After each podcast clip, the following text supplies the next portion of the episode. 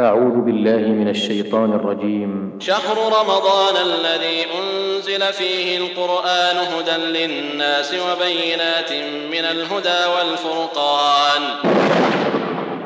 يا باغي الخير أقبل ويا باغي الشر أقصر. تسجيلات التقوى الإسلامية بالرياض تصحبكم مع مختاراتها الرمضانية. سؤال على الهاتف. قبل الفطور اي يتوجه كثير من الصائمين إلى القبله ويدعون. لكن على على وجه جماعي مع فضيلة الشيخ محمد بن صالح العثيمين كل شيء عن رمضان. لا وإنما فرض الصوم لكي يرمض الإنسان فيه. مع الشيخ طارق الطواري. قيام رمضان. والوقوف بين يديه في ساعة هدأت فيها العيون. مع الشيخ محمد المختار الشنقيطي. شهر الرحمة والغفران. دخل رمضان وخرج ولا زال يصر على ذلك الذنب وتلك المعصية. مع الشيخ نبيل العوضي. هدي السلف الصالح في رمضان. يجتهدون في حفظ صيامهم. مع فضيلة الشيخ عبد الله بن عبد الرحمن الجبريل. الصيام آداب وأحكام. شهر رمضان ما هو للأكل والشرب. مع فضيلة الشيخ صالح بن فوزان الفوزان. آداب رمضانية. تبين أن لديه أربع عمائر تؤجر في مكة. مع الشيخ محمد بن عبد الله الفهيد ورحل رمضان. يا أهل الجنة سلام. مع الشيخ عبد الله الحماد. رمضان الجود فيه وكيفية استغلاله. يذهب ليلة بإحراق حسناته وصيامه. مع الشيخ متعب الطيار. منقصات الصيام. ظالم زوجته ظالم الجيران. مع فضيلة الشيخ عبد الله بن محمد المطلق. نسأل الله تعالى أن يبلغنا وإياكم هذا الشهر الكريم أعواما عديدة. والآن مع هذه المادة بعنوان هدي السلف الصالح في رمضان. مع فضيلة الشيخ عبد الله بن عبد الرحمن الجبريل. الحمد لله والصلاة والسلام على رسول الله وعلى آله وصحبه.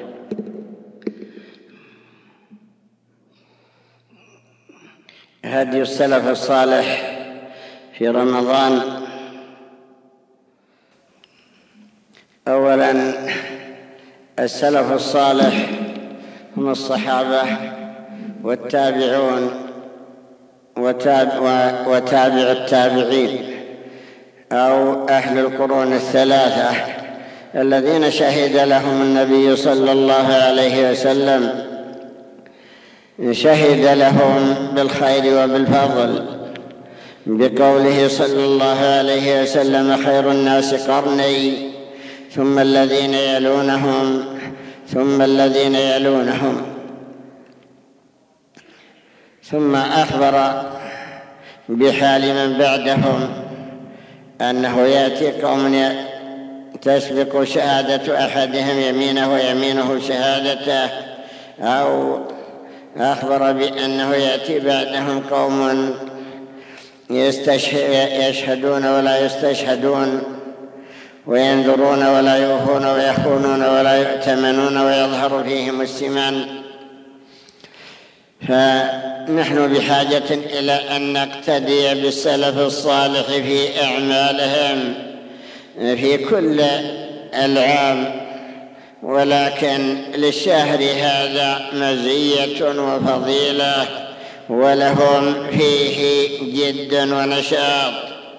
فقد اشتهر عنهم كما ذكر ابن رجب في اللطائف أنهم كانوا يسألون الله تعالى ستة أشهر أن يبلغهم شهر رمضان. ثم يسألونه ستة أشهر أن يتقبله منهم. فتكون السنة كلها معمورة بما يتعلق بشهر رمضان. ولا شك أن ذلك دليل على اهتمامهم بمزية وبفضيلة عرفوها لهذا الشهر الكريم. ولا شك أن الاقتداء بهم في أعمالهم هو سبب وسبيل إلى النجاة وإلى الفلاح والفوز والظفر والسعادة الأخروية التي ليس بعدها شقاوة وليس بعدها عناء. فاولا هديهم في الاجتهاد في رمضان مطلقا حيث أنه موسم من مواسم الآخرة وفيه يتسابقون بالأعمال الصالحة.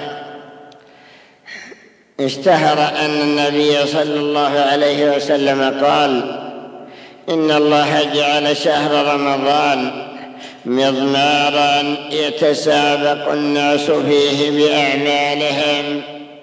فسبق قوم ففازوا وتخلف آخرون فخابوا والمراد بالمضمار ميدان المسابقة الذي يتسابقون فيه على الخيل أو الإبل أو الأقدام. الميدان يسمى مضمارا والمراد هنا أن شهر رمضان شهر المسابقة فلذلك كانوا يتسابقون فيه بكثرة الأعمال. يحب كل منهم أن يكون سابقا لغيره أو أن يكون من السابقين. وذلك لأن الله تعالى أحب أو مدح المتسابقين ومدح السابقين. فوصف الصحابة بقوله تعالى والسابقون الأولون من المهاجرين والأنصار. دل على أنهم سبقوا غيرهم. ووصف أهل الجنة الذين هم المقربون بقوله تعالى والسابقون السابقون أولئك المقربون هؤلاء السابقون لأنهم كانوا يسبقون غيرهم بالأعمال الصالحة ويتفوقون غيرهم وكذلك وصف أيضا أهل القرب بالسابق في قول الله تعالى ثم أورثنا الكتاب الذين اصطفينا من عبادنا فمنهم ظالم لنفسه ومنهم مقتصد ومنهم سابق بالخيرات بإذن الله. ذلك هو الفضل الكبير. ختم بالسابق بالخيرات أي الذي يسبق غيره بكل عمل صالح من الخيرات والصالحات. وكذلك أيضا ورد أن عائشة رضي الله عنها قالت يا رسول الله أرأيت قول الله تعالى أولئك يسارعون في الخيرات وهم لها سابقون. بعد قوله تعالى والذين يؤتون ما آتوا وقلوبهم وجلة أنهم إلى ربهم راجعون. من هم الذين يؤتون ما آتوا وقلوبهم وجلة؟ فأخبر بأنهم الذين يصومون ويصلون ويتصدقون ويدعون ويذكرون الله كثيرا ويتلون كتابه ولكن يخافون ألا تقبل منهم أعمالهم. فهؤلاء وصفوا بأنهم يؤتون ما آتوا وقلوبهم وجلة. أنهم إلى ربهم راجعون ثم أخبر بعاقبتهم. أولئك يسارعون في الخيرات وهم لها سابقون أي يتسارعون إلى الأعمال الصالحة يتسارعون إلى عمل البر يتسارعون إلى كل ما يحبه ربهم ويرضاه يسارعون في الخيرات وهم لها سابقون. فهكذا كانت حالة السلف رحمهم الله تعالى. فإن المسارعة إلى الخيرات أي الإسراع إليها الإتيان إليها سريعا روي أن سعيد بن المسيب رحمه الله دخل مرة المسجد وقد سبقه ثلاثة وهو الرابع.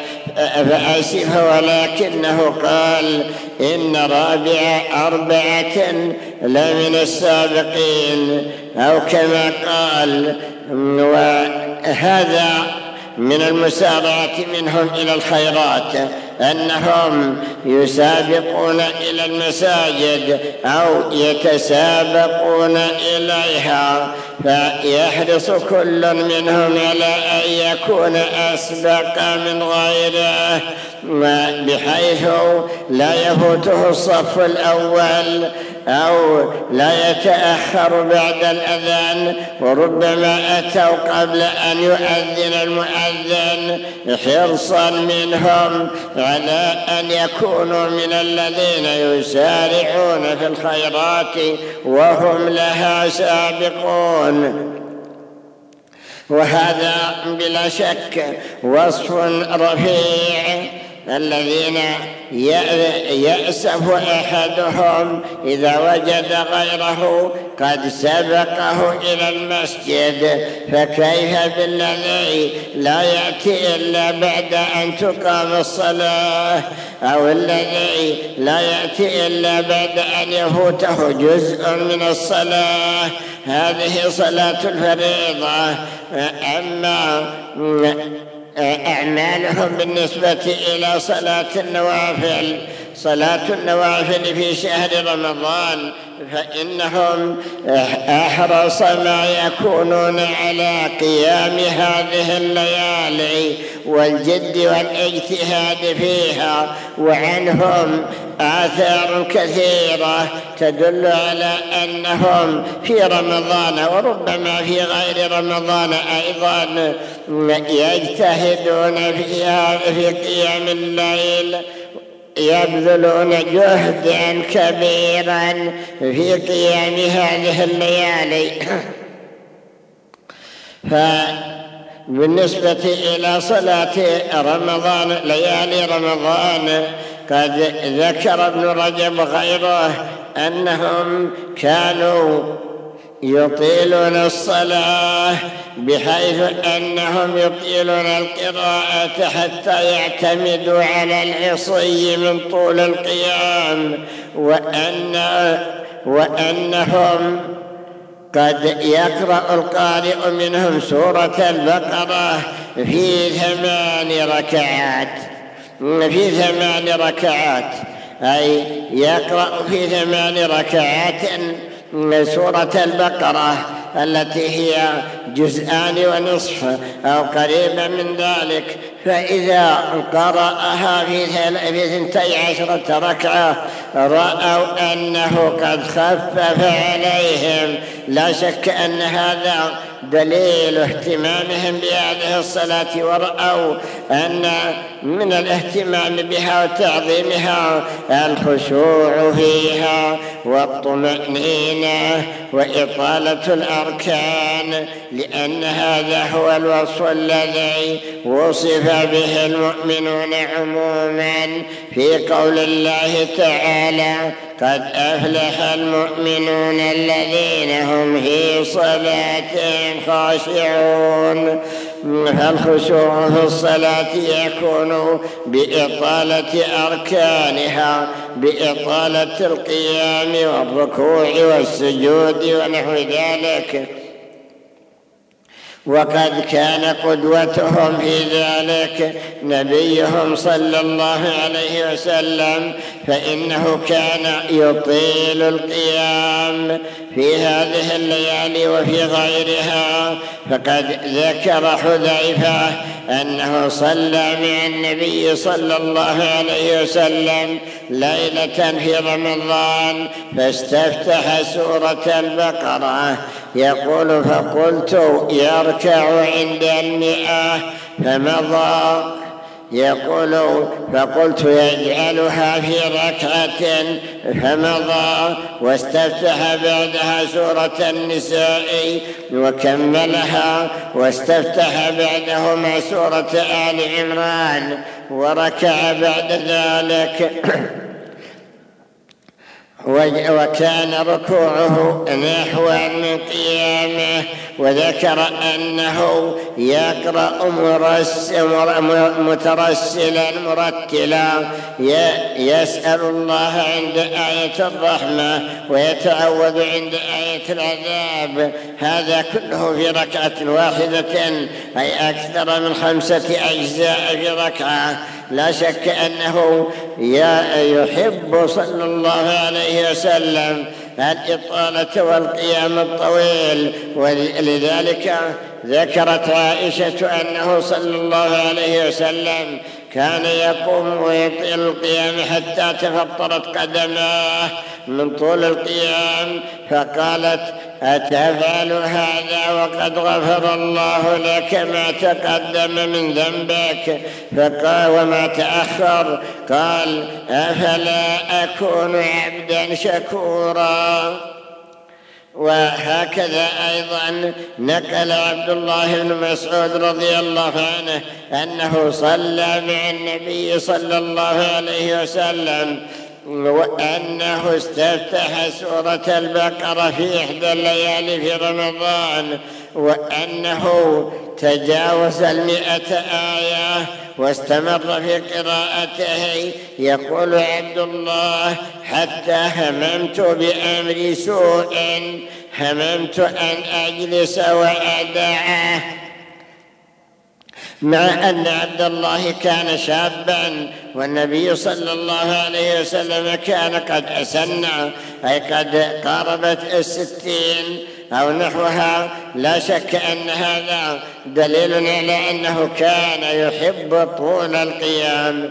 فالسلف رحمهم الله تعالى كانوا يحبون طول القيام في هذه الليالي فكثيرا ما يذكرون أنهم يصلون طوال الليل حتى إذا انصرفوا يقولون لخدمهم أسرعوا بالسحور أسرعوا أسرعوا. وذلك أنهم عمروا الليل كله بالتهجد في هذه الليالي فيخشون أن يفوتهم الفلاح يعني السحور. كما ذكر ذلك أيضا في عهد النبي صلى الله عليه وسلم أنه صلى بهم مرة يقول حتى خشينا أن يفوتنا الفلاح يعني السحور.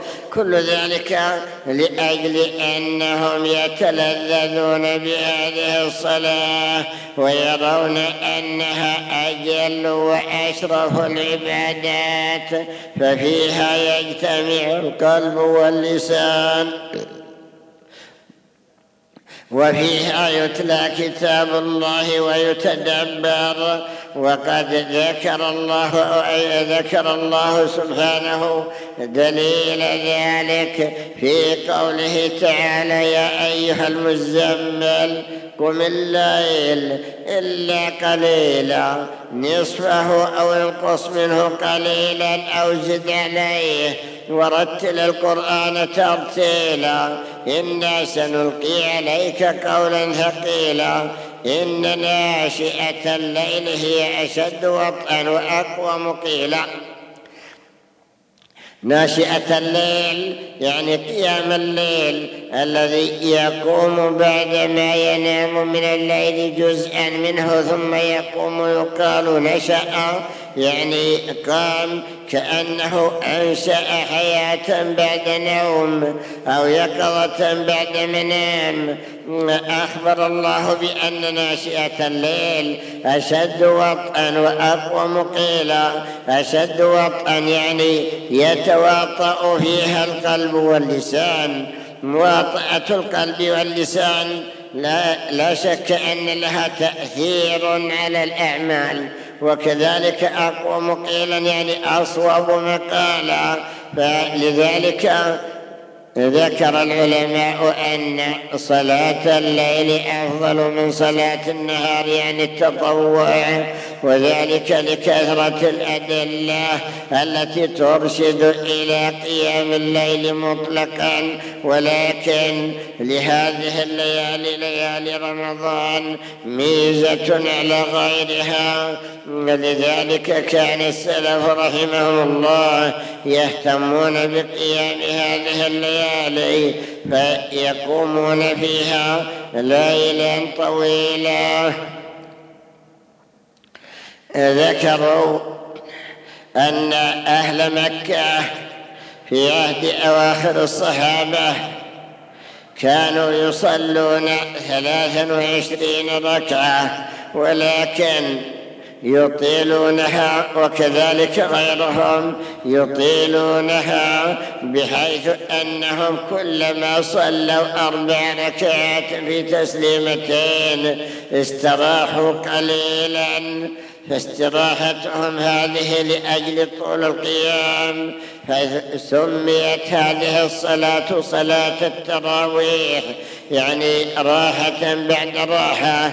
يصلون أربعا ثم يستريحون ثم يصلون أربعا ثم يستريحون وهكذا إلى أن يكملوا عشرين ركعة ثم بعد ذلك يصلوا صلاة الوتر ثلاث ركعات وهكذا استمروا على ذلك. ثم إن أهل مكة كانوا إذا صلوا أربع ركعات قالوا بدل ما نجلس جالسين لعلنا نطوف بالبيت لأنهم إنما كانوا يصلون في المسجد الحرام. فإذا صلوا أربع ركعات قاموا وطافوا بالبيت أسبوعا سبعة أشواط ثم, إذا ثم رجعوا وصلوا أربع ركعات ثم طافوا سبعة أشواط ثم كذلك وهكذا استمروا عدة سنوات سمع بهم أهل المدينة فقالوا نريد أن ننافسهم. أن نسابقهم. ليس عندنا بيت نطوف به. فماذا نفعل حتى نسابق أهل مكة وننافسهم؟ فلم يجدوا إلا أن يزيدوا في قدر الركعات. فجعلوا بدل كل أسبوع يطوف أهل مكة صلاة أربع ركعات زيادة في التراويح ولم يروا بذلك بأسا فكانوا يصلون أربع عشرين وست عشرة. عشرين ركعة هي التي يصليها أهل مكة وزيادة ست ستة عشر ركعة فيكون تكون صلاتهم ستا وثلاثين ركعة يضاف إليها ثلاث ركعات الوتر. فهكذا أدركهم الإمام مالك وكذلك الزهري من أئمة السلف وابن أبي ذئب وغيرهم من التابعين ومن تابع التابعين وهم يصلون ستا وثلاثين ركعة ثم يتمون بالوتر وبعضهم زادوا إلى أن جعلوها إحدى وأربعين ركعة. وكل ذلك دليل على أنهم يعرفون أهمية هذه الصلاة التي هي قيام الليل ومكانتها وفضلها فلم يروا شيئا يوازي قيام الليل في هذه الليالي. ولا شك أن الاقتداء بهم في الاجتهاد وبذل الجهد هو الأولى بالمسلمين. أن ينافسوا ويتنافسوا في الأعمال الصالحة ويكثروا منها ومن أهمها قيام هذه الليالي التي يتقرب فيها المسلمون في كل مكان بهذه الصلاة. هذه الصلاة التي هي التراويح. عرفنا سبب تسميتها بالتراويح وأنها كانت قديما يطيلون فيها وأحيانا قد قد يخففون لبعض المناسبات. فإذا كانت الليالي طويلة كليالي الشتاء أطالوا الأركان فيها وأطالوا القراءة وزادوا أيضا في عدد الركعات. وإذا وكان كثير منهم يقرؤون ويستمرون في القراءة. ذكروا أن عمر أو غيره من الصحابة لما أمروا بهذه الصلاة صلاة التراويح رأوا أن الأئمة ينقسمون إلى أقسام. فقالوا لمن هو سريع القراءة؟ تقرأ في الركعة ثلاثين آية. أي بقدر سورة ألف لام السجدة في كل ركعة. وقالوا لمن هو؟ دون ذلك تقرأ مثلا بعشرين آية يعني في كل ركعة. أي قريبا من سورة الممتحنة. أو أطول منها وأما خفيف بطيء القراءة فيقرأ عشر آيات أي قريبا من سورة الطلاق في كل ركعة. هذه قراءتهم في مثل هذا. ولكن إذا كانت الليالي قصيرة كليالي الصيف فلهم أن يقرأوا سبع آيات أو عشر آيات ولو كان القارئ سريع القراءة. ولو لم يختم إلا مرة واحدة وكانوا يكرهون أن يقتصر القارئ في هذه الليالي على ختمة بل يختمون عدة مرات وذلك تلذذا منهم بسماع القرآن وحرصا على ألا يمر رمضان وهم لم يسمعوا القرآن مرتين أو أكثر.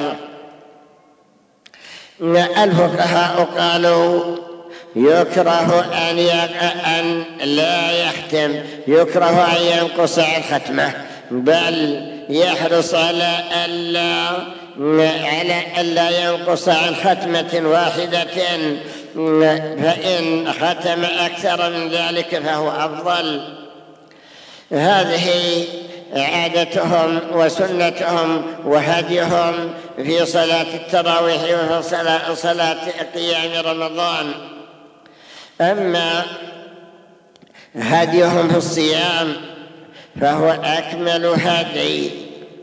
وذلك لأن الصيام شرع لأجل ترويض النفس على ترك المعاصي.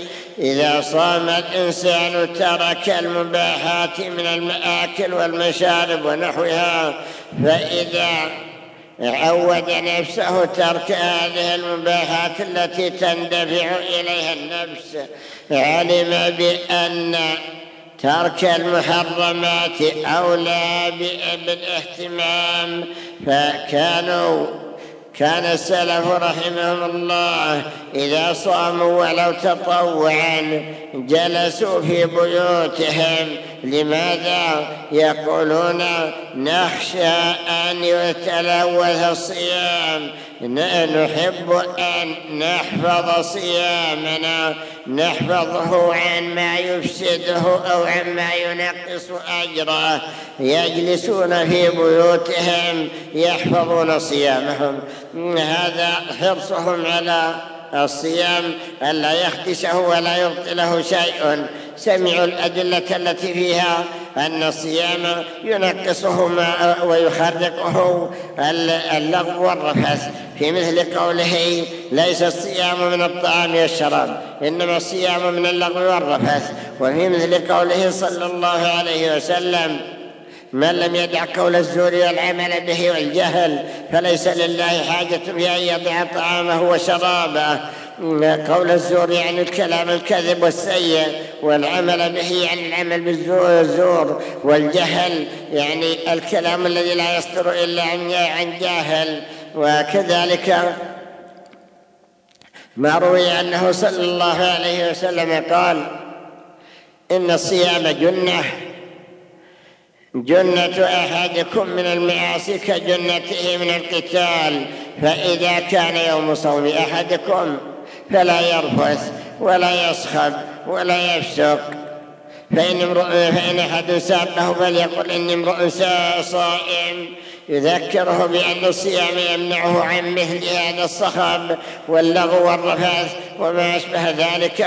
فكانوا يحفظون صيامهم ولا يضيع عليهم وقتهم في قيل وقال وفي لهو وسهو وما أشبه ذلك.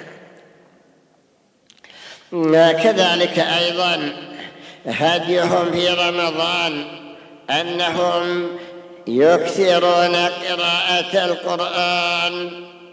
الذي له خصوصية برمضان. رمضان له خصوصية بالقرآن. لقول الله تعالى شهر رمضان الذي أنزل فيه القرآن. فإذا كان له خصوصية فإن علينا أن نوليه اهتماما. لذلك كان النبي صلى الله عليه وسلم يأتيه جبريل في ليالي رمضان فيدارسه القرآن. أي يعرضه عليه كل سنة يعرضه عليه مرة وفي السنة التي مات فيها صلى الله عليه وسلم عرض عليه القرآن مرتين. فكان يدارسه ليلا. أخذوا من ذلك أهمية دراسة القرآن فكان السلف رحمهم الله يهتمون في رمضان بالقرآن فكانوا إذا دخل رمضان تركوا الحديث وأقبلوا على قراءة القرآن. ذكر ذلك عن الإمام مالك رحمه الله أنه كان يفر من التحديث ومن مجالس الحديث ويقبل على قراءة القرآن وكذلك الإمام الشافعي رحمه الله وكذلك خيره من الأئمة حتى يجتهد في قراءة القرآن أكثر مما يجتهدون في غير رمضان. ذكر ابن رجب رحمه الله أن للشافعي في رمضان ستون ختمة يقرأها في غير الصلاة أي زيادة على ما يقرأ في الصلاة ومعنى ذلك أنه يختم في الليل مرة وفي النهار مرة في كل ليلة يختم في كل نهار يختم حتى يختم الستين ختمة. قال وروي عن أبي حنيفة مثل ذلك وكان كثير منهم يختمون القرآن في كل السنة في كل ثلاث ليال. فإذا دخل رمضان ختموه في العشرين الأولى في كل يومين. فإذا كانت العشر الأواخر ختموه في كل يوم مرة. ولكن لا تعجب من ذلك فإن الله تعالى قد سهل القرآن على ألسنتهم. أشرب القرآن في في قلوبهم أشربت قلوبهم محبة القرآن وذلت به فكانوا يقرؤونه ولا يتلعثم أحدهم في قراءته ولا يخطئ في حرف منه. يلهمونه كما يلهمون النفس. قد حفظوه واستظهروا كلماته فلا يصعب عليهم أن يقرأوه في ليلة أو في نهار. وقد فعل ذلك الخليفة الراشد عثمان بن عفان رضي الله عنه فإنه طوال السنة يختم في كل ليلة. كل ليلة يختم طوال السنة في ركعة واحدة في صلاة الليل في صلاة التهجد لا يصلي إلا ركعة واحدة ولكنه يختم فيها القرآن. يقول بعض تلاميته إنني راقبته قائما فلاحظت أنه يقرأ قراءة طويلة ثم يسجد ثم يقوم فيقرأ قراءة طويلة ثم يسجد. فعرفت أن هذه سجدات التلاوة أنه إنما ينزل في الأرض لسجود التلاوة حتى يختم القرآن. وقد ختم القرآن في ركعة عدد كثير من السلف رحمهم الله يعني أنهم يستفتح في أول الليل ويختم في آخر الليل في ركعة واحدة.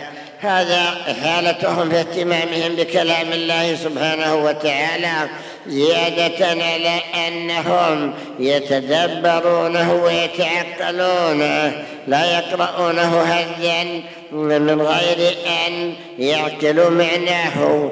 قد عرفوا أنه صلى الله عليه وسلم كان يرتل القرآن وكان يمده كما ذكرت عائشة أنه كان يقرأ قراءته مدا وكذلك روى ذلك أنس رضي الله عنه. تقول عائشة كان رسول الله صلى الله عليه وسلم يرتل السورة حتى تكون أطول من أطول منها.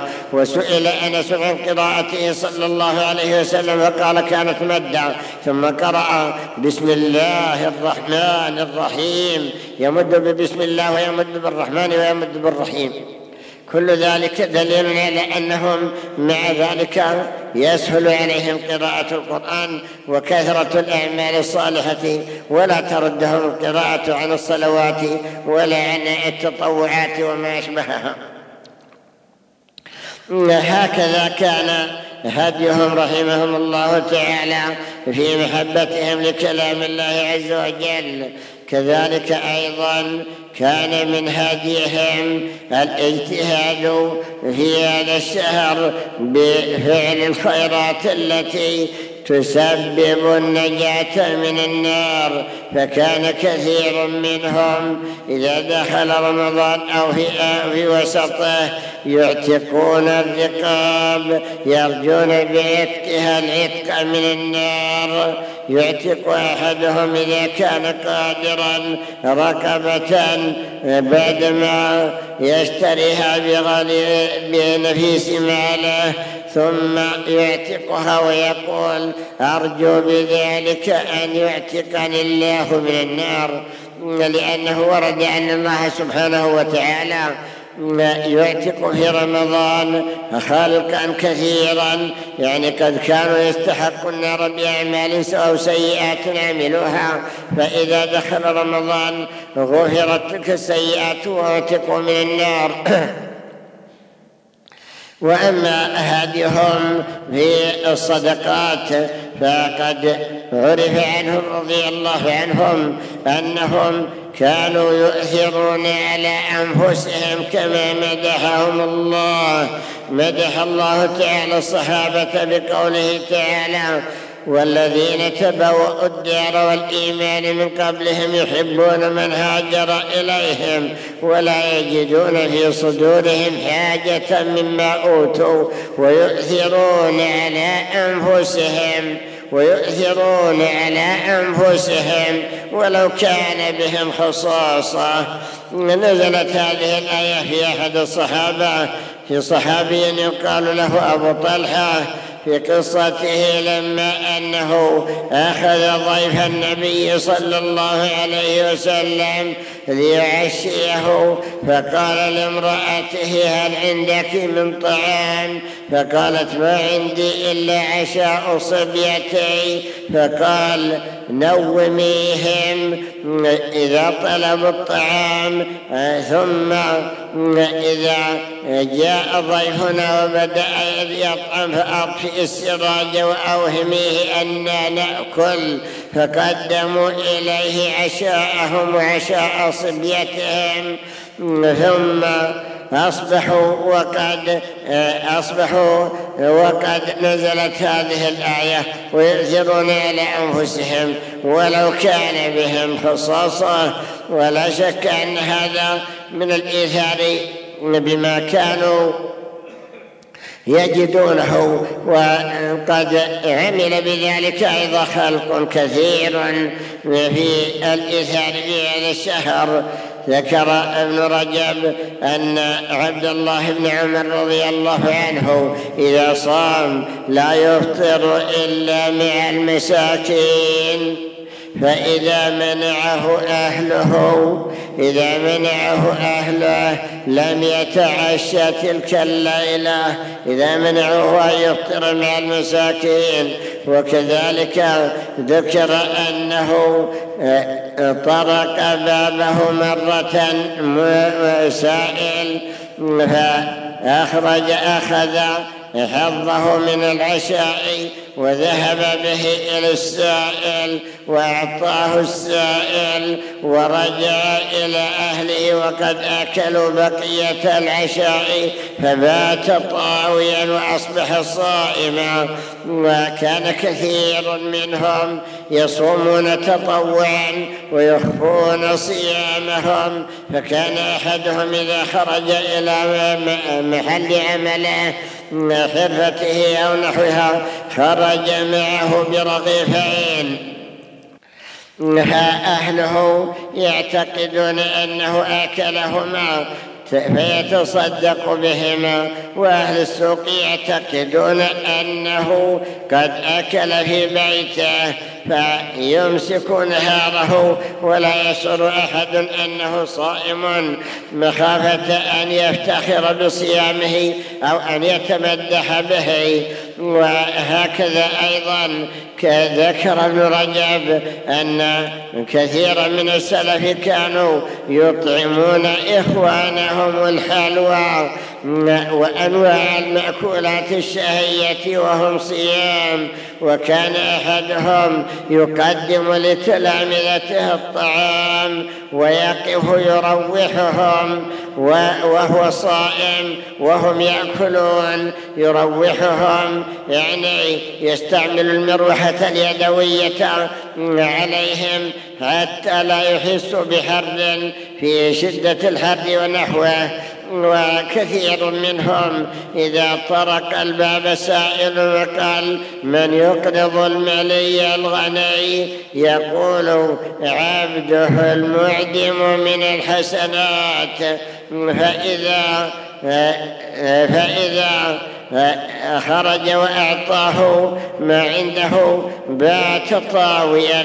هكذا كانت حالتهم في أنهم يتصدقون بما يقدرون عليه.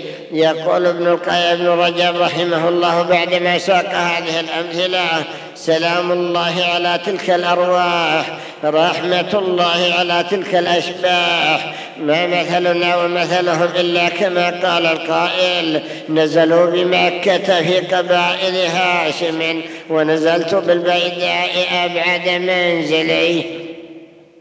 يمثل أن أهل زمانه بالنسبة إلى أولئك السلف رحمهم الله تعالى. مثل من نزل في وسط مكة بين بني هاشم ومن نزل في البيداء أي في المكان البعيد البيداء الذي الذي تبعد عن مكة نحو ثلاثمائة كيلو أو مئتين تلك البيداء. واستشهد أيضا مرة بقوله بقول الشاعر لا تعرضن بذكرنا عن ذكرهم ليس الصحيح إذا مشاك المقعد. أي لا تعرض بذكرنا عندهم فإننا لن ندركهم. هذا وهو في زمن ليس مثل زماننا. زماننا قد اشتدت فيه غربة الإسلام وقل فيه من يقتدي بأولئك السلف الإعلام. ولكن بكل حال لا نعدم إن شاء الله من يقتدي بقدر جهده بما أعطاه الله تعالى بأولئك السلف الصالح سواء في أعماله المفروضة أو المستحبة أو ما أشبهها. وبالجملة فإن حال السلف رحمهم الله تعالى في هذا الشهر أنهم يجتهدون فيه غاية الاجتهاد فيجتهدون في حفظ صيامهم حتى يكمل صيامهم يترتب عليه ما رتب من المغفرة في قوله صلى الله عليه وسلم من صام رمضان إيمانا واحتسابا غفر له ما تقدم من ذنبه. شرط فيه ثلاثة شروط. أولا صيامه يعني إكماله صياما كاملا مجزئا وثانيا كون الحامل عليه هو كون الحامل عليه الإيمان يعني مؤمنا بأنه فرض من الله تعالى بخلاف من يصومه رياء أو من يتمدح بصيامه لأجل أن يمدح في المجالس أو من يصومه عادة ومجاراة لأهل لأهله أو ما أشبه ذلك. وكذلك أيضا اشترط أن يكون الصيام أن يكون احتسابا يعني طلبا للأجر أن يصومه بنية صادقة محتسبا في ذلك ثواب الله تعالى. ثانيا حالتهم في القيام وهو أنهم يجتهدون في قيام رمضان. لا يفوت أحدهم لا يفوته ليلة من الليال.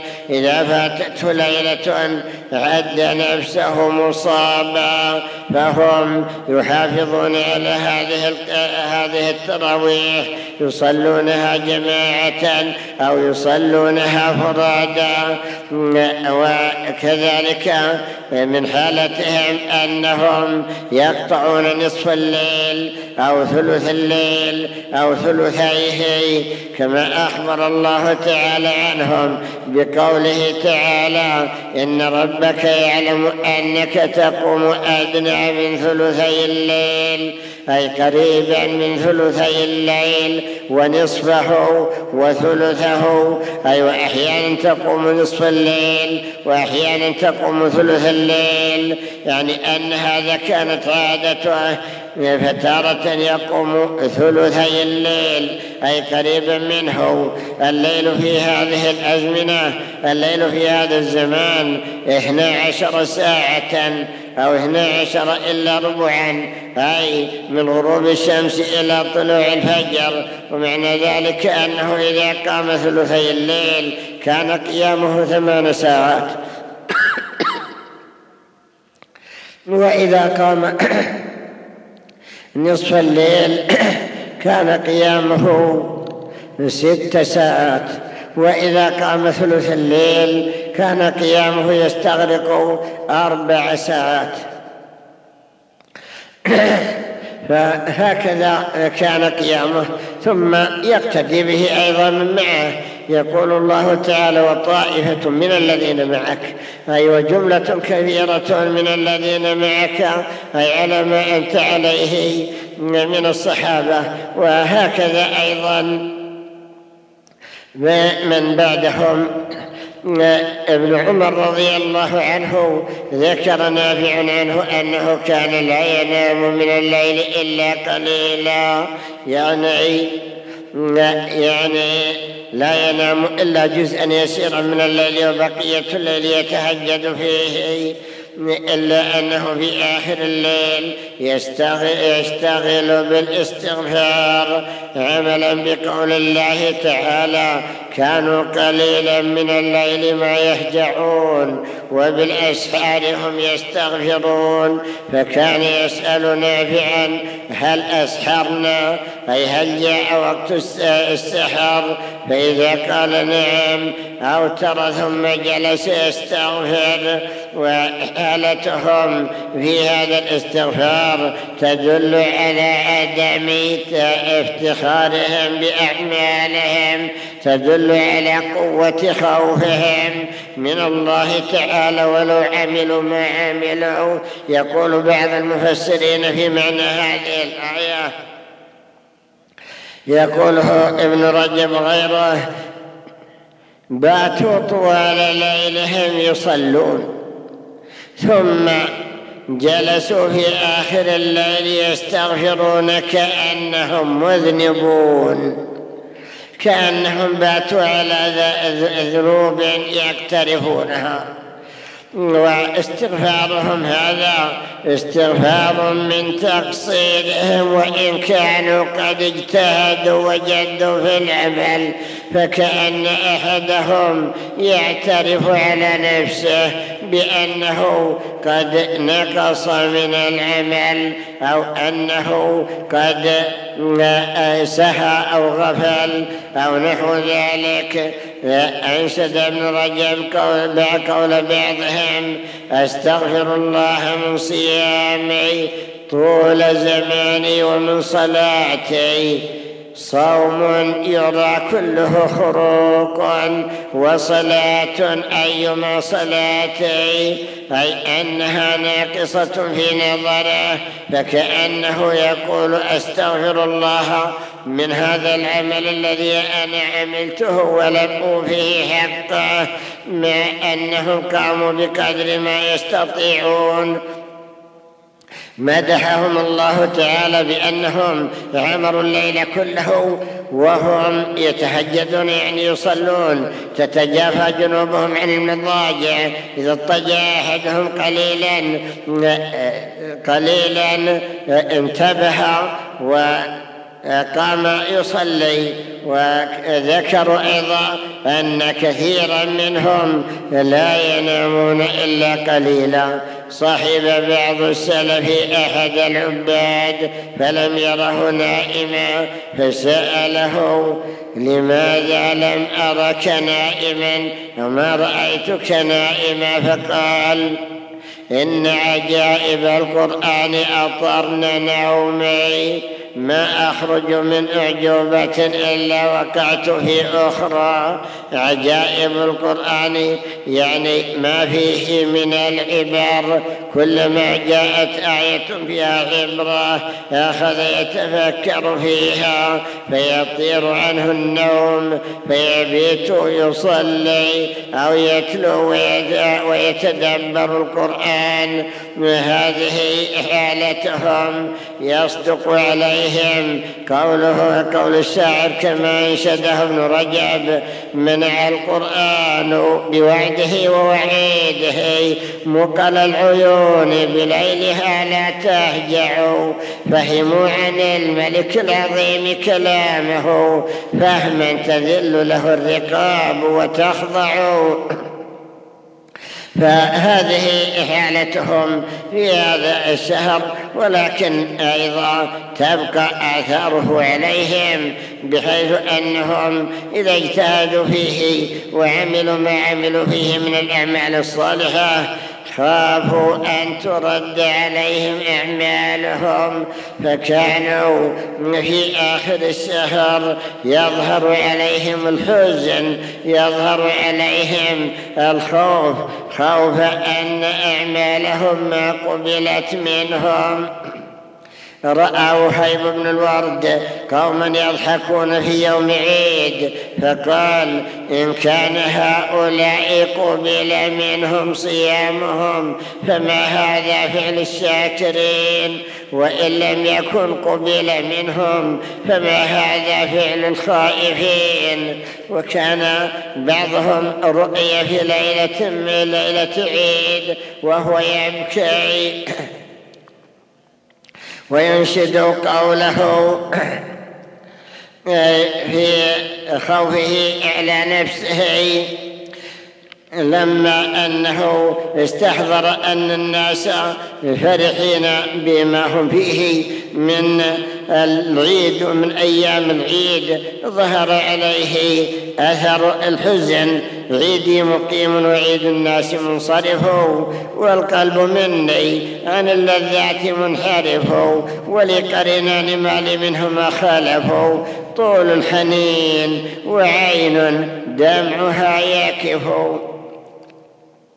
هكذا كانت حالتهم رضي الله عنهم ولنا فيهم أسوة فعلينا أن نجتهد في هذا الشهر وأن يكون هذا الاجتهاد مؤثرا منا في بقية العمر. نسأل الله أن يتقبل منا صالح أعمالنا وأن يوفقنا للعمل الصالح الذي يحبه منا ويرضاه وأن يجعلنا ممن صام الشهر وقامه إيمانا واحتسابا وأن يغفر لنا سيئاتنا ويرفع درجاتنا ويجزل مثوباتنا ويمحو خطيئاتنا وأن يقر أعيننا بنصرة الإسلام وأهله وأن يصلح أئمتنا وولاة أمورنا ويجعلهم هداة مهتدين. يقولون بالحق وبه يعدلون. والله تعالى أعلم وصلى الله على محمد. ونستمع إلى الأسئلة. جزاك الله خير. وبارك الله فيك. هذه الأسئلة يقول فضيلة الشيخ ابن جبرين حفظه الله وسدد خطاه.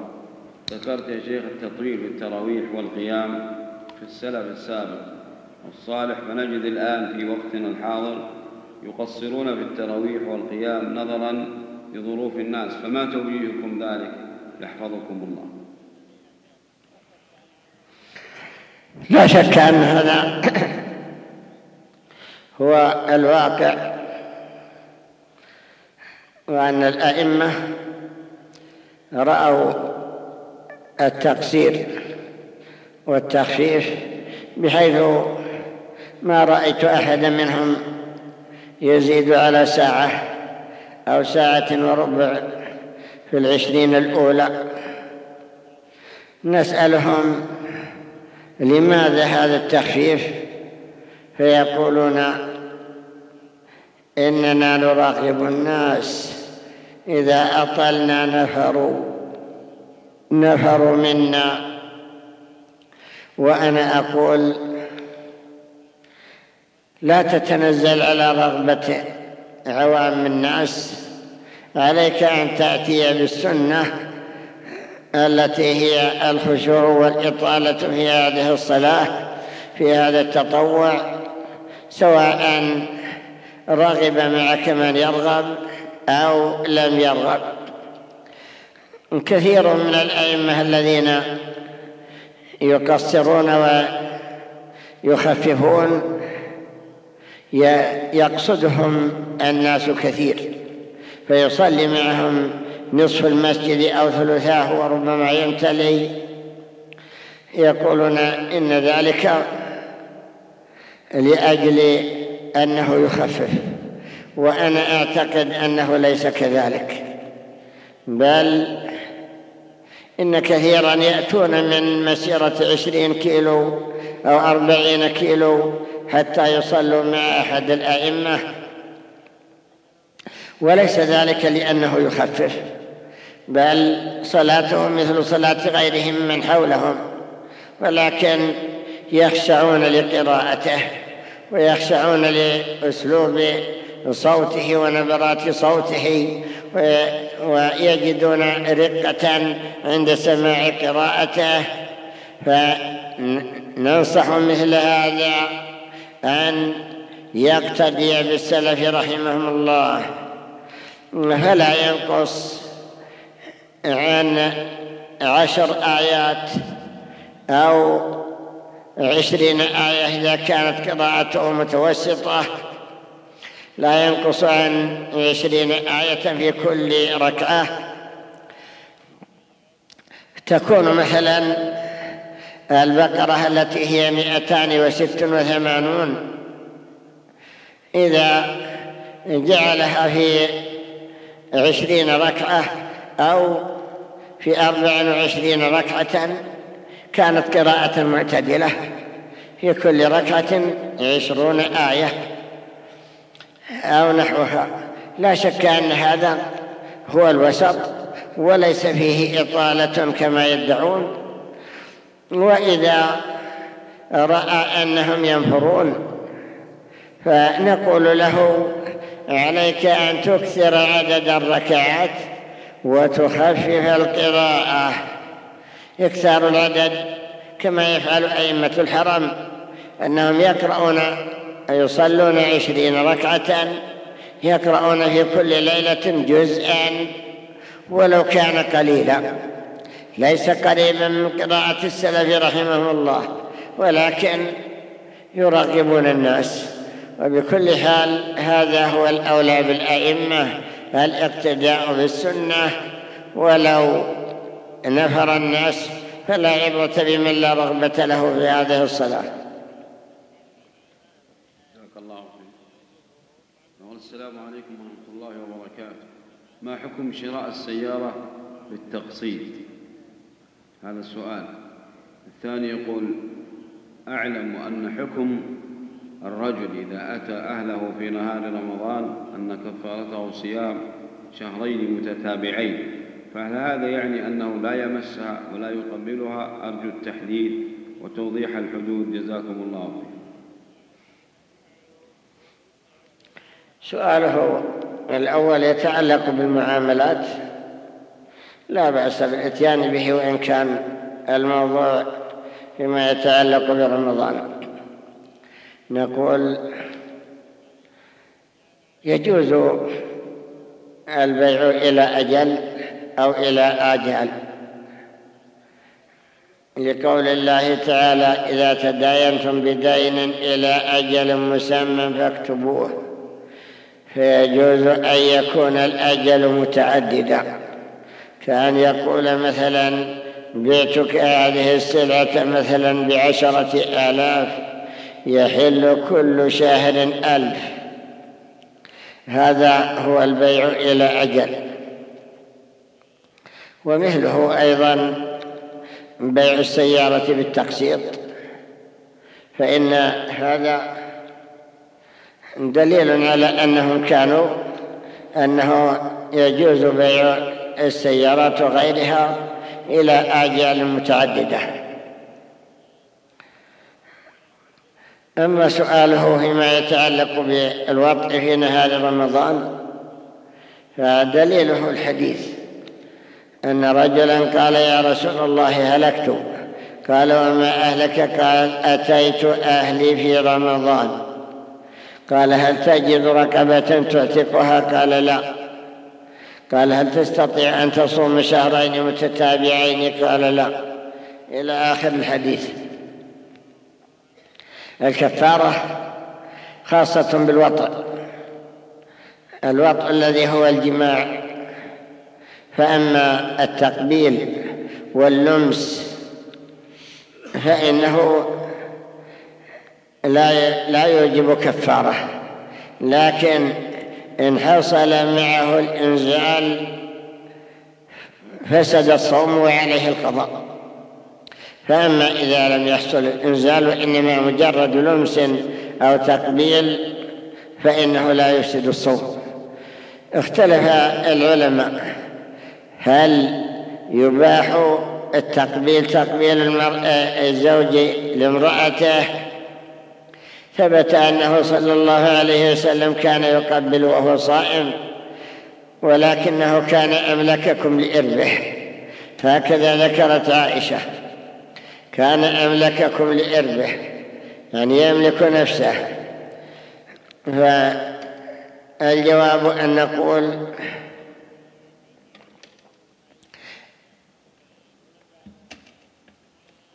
إن كان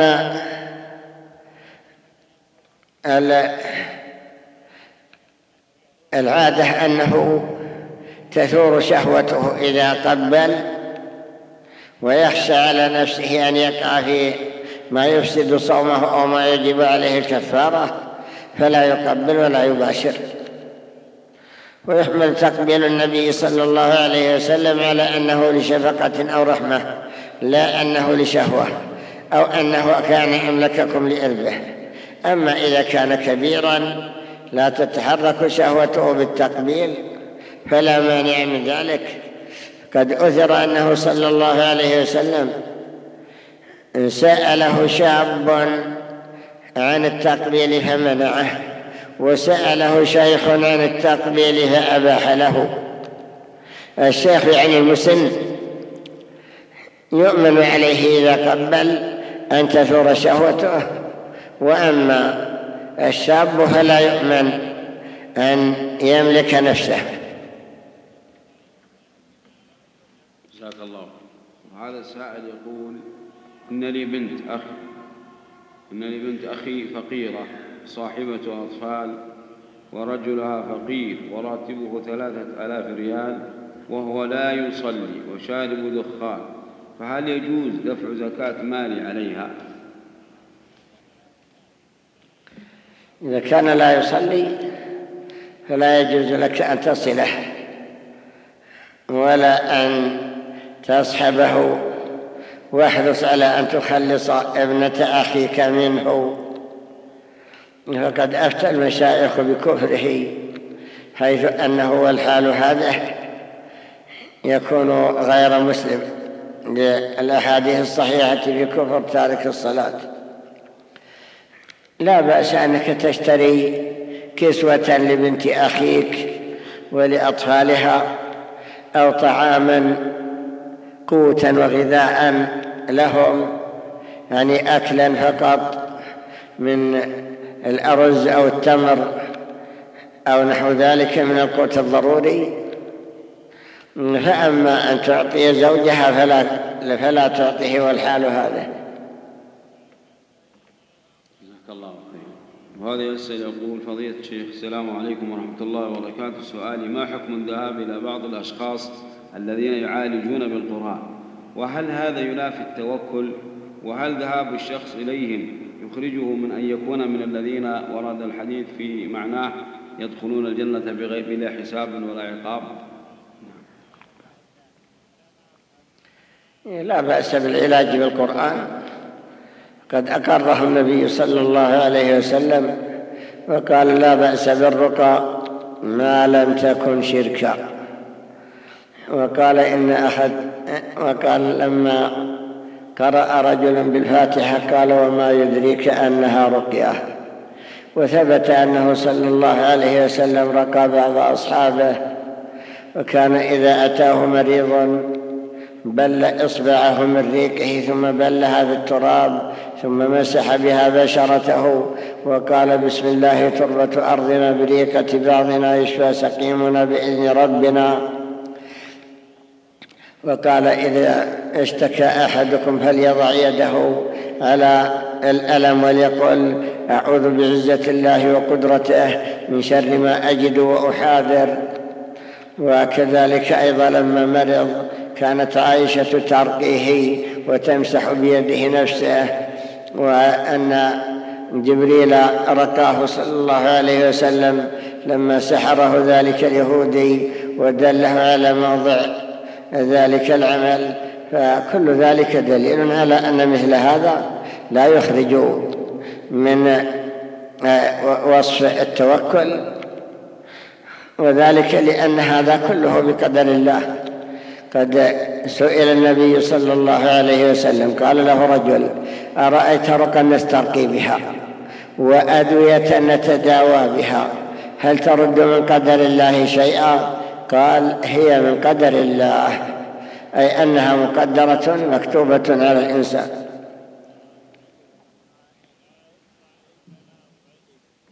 بسم الله الرحمن وهذا يسأل يقول السلام عليكم ورحمة الله وبركاته. سؤالي هو أني أديت فريضة الحج السنة الماضية وعلي دين. مع العلم أني أخذت الموافقة من أصحاب الدين فما حكم حجي؟ وهل علي شيء؟ لا شيء عليك. الحج مجزئ إن شاء الله. وبالأخص إذا كان أهل الدين قد سمحوا لك أو كانوا لا يضايقونك. لا يضايقونك ولا يشددون في الطلب ولا يردونك عن الأسفار. إذا لو أردت مثلا السفر إلى المنطقة الشرقية أو إلى القصيم أو إلى الجنوب ما منعوك من ذلك؟ يعلمون بسفرك ولا يردونك. فإن شاء الله أنهم لا يردونك عن السفر إلى مكة. جزاك الله وهذا السائل يقول إني أحبك في الله. ما رأيكم في حديث أفطر الحاجم والمحجوم؟ هل هو منسوخ أم, أم, أم محكم؟ والسؤال الثاني هل ورد عن أحد الصحابة أنه ذكر للنبي صلى الله عليه وسلم أن له جار صوام قوام ولكن لا يشهد الجمعة؟ فقال الرسول هو في النار. ما رأيكم في الأناشيد؟ آخر السؤال. نقول أحبك الله أحبك من أحببتنا له. حديثه أفطر الصائم والم... أفطر الحاجم والمحجوم.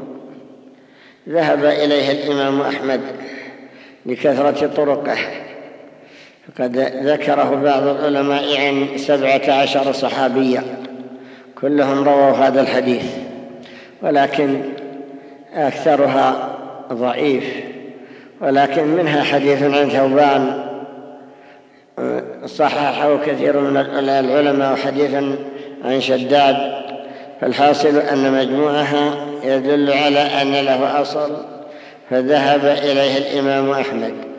أما الأئمة الثلاثة فإنهم قالوا لا يفطر لا يفطر الحاجم ولا المحجوم. الحاجم قديما كان يمتص الدم ويختلط الدم بريقه ولو مجه فإنه قد يبقى في ريقه شيء. وأما في هذه الأزمنة فإنه ظهرت أجهزة لا حاجة فيها إلى الامتصاص بحيث أنه يجعل آلة تشفط الدم وتستخرجه بدون أن يمتصه. إذا ما بقي إلا المحجوم هو الذي يفطر. بمقتضى هذا الحديث. وقاسوه على خروج الدم من المرأة دم الحيض. قالوا كما أن دم الحيض يفطر؟ فكذلك الدم الكثير إذا أخرجه بالحجامة أو بالشرط أو بالفصد أو بما يسمى التبرع بالدم أو بما يسمى التحليل إذا كان كثيرا إذا أخذوا منه كثيرا فإن ذلك كله ملحق بالحجامة. فعلى هذا ليس هو بمنسوخ. هذا هو القول الذي تشهد له الأدلة لكثرتها. السؤال الثاني. سؤال الرسول صلى الله عليه وسلم عن رجل. سئل عن رجل لا يشهد. إيه. هذا الحديث مروي عن ابن عباس. أن ابن عباس سئل عن رجل يصوم النهار ويقوم الليل ولكنه لا يصلي مع الجماعة فقال هو في النار. ما, ما ذكروا أنه مرفوع إنما هو موقوف على ابن عباس رضي الله عنه.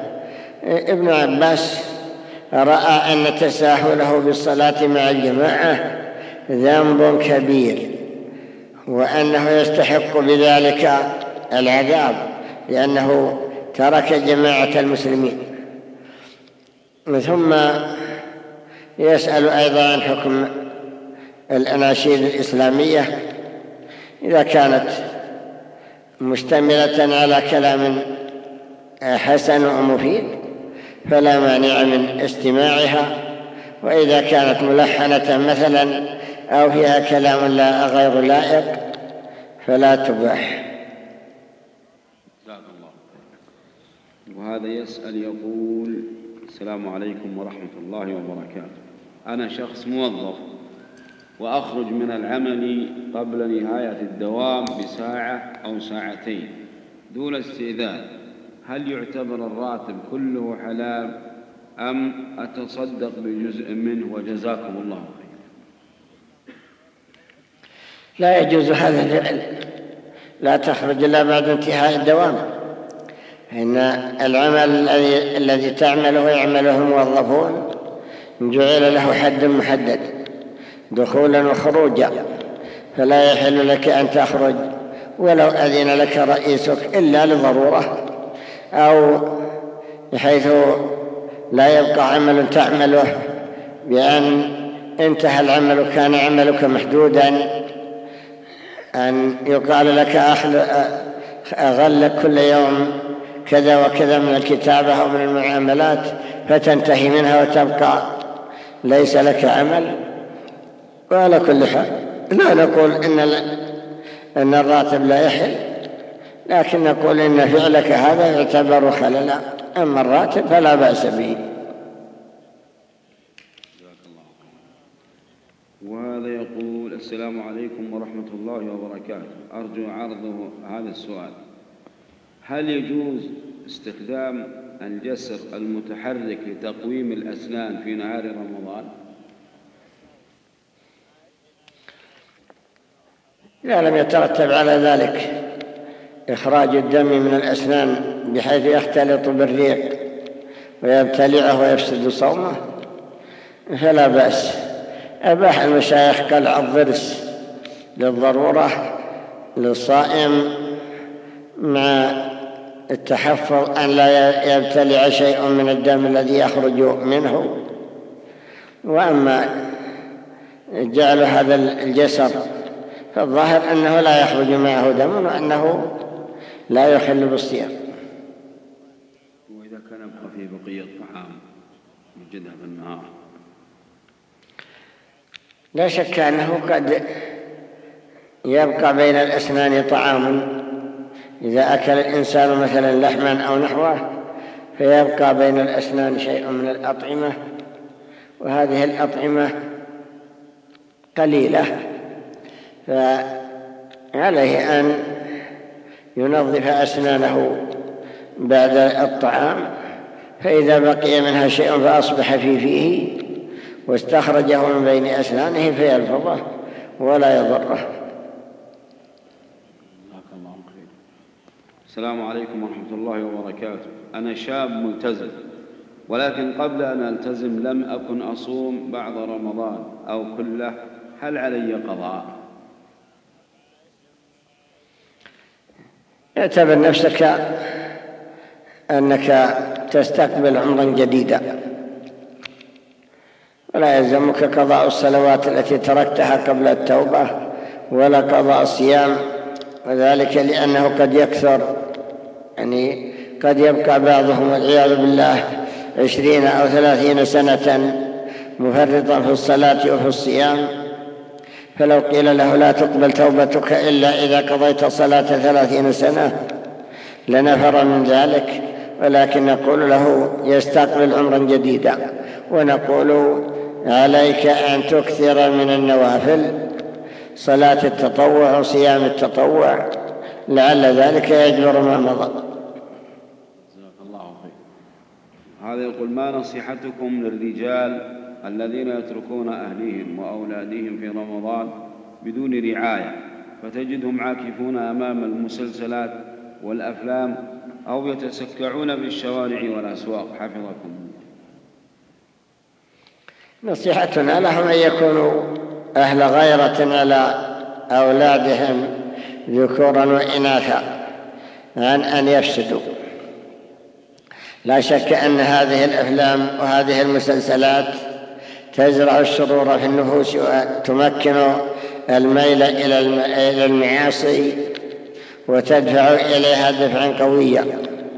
فننصح ولاة الأمور أن يهتموا بأولادهم وأن يتفقدوهم الكبير منهم مثلا من الذكور يأخذ بيده أبوه إلى المسجد ويعوده أن يصلي معه صلاة التراويح ويحذره من الجلوس أمام الشاشات التي يعرض فيها أشياء منكرة وكذلك يحذره من دخول الأسواق التي تزدحم بالنساء أو نحو ذلك وكذلك أيضا يكون غيورا على بناته فيمنعهن من الخروج سيما إذا كان الخروج يؤدي إلى مفاسد فإن كثيرا في هذه الليالي وفي غيرها من الأسواق تزدحم بالنساء ويكون كثير منهن متبريات أو متطيبات ويفتن من مر بهن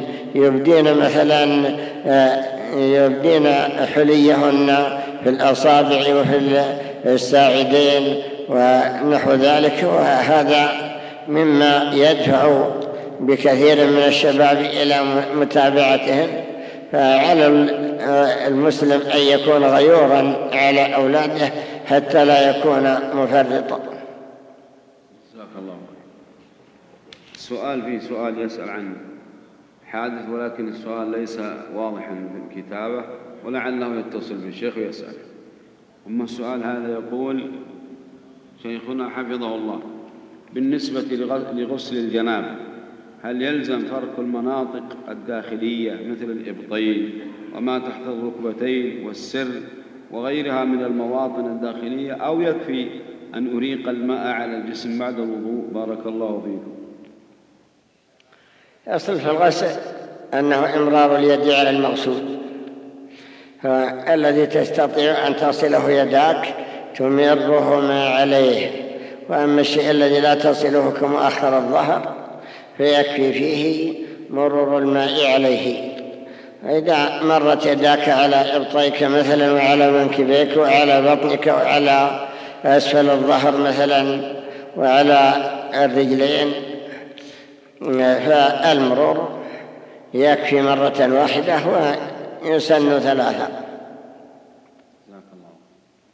هذا سائل يقول رجل عليه ديون بلغت 150 ألف ولا يجد تسديدها الآن وهو مستاجر ولكنه يمتلك بيت وعنده مرتب شهري فهل يجوز أن يأخذ من صدقات رمضان ما يكافح به ديونه أم لا؟ إذا كان مرتبه لا يكفيه. لوفاء الديون حلت له الزكاة. وهذا يسأل يقول أعاني كثيرا من مشقة في حفظ آيات الله. فهل لطريقة فما هي الطريقة المثلى في الحفظ؟ والسؤال الثاني لعلنا نريد بعد السؤال هذا.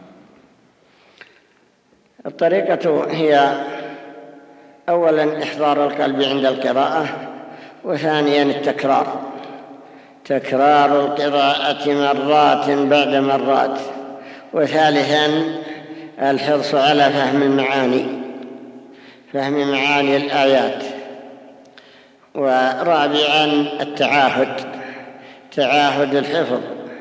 لقوله صلى الله عليه وسلم تعاهد القرآن فله أشد تفلتا من الإبل في عقلها. شكر الله لفضيلة الشيخ على ما قدم وجعله في ميزان حسناته. مع تحيات إخوانكم في تسجيلات التقوى الإسلامية بالرياض والسلام عليكم ورحمة الله وبركاته. أيها الإخوة بموجب فهرس تسجيلات التقوى فإن رقم هذا الشريط هو اثنا عشر ألفا وثمانية وخمسون.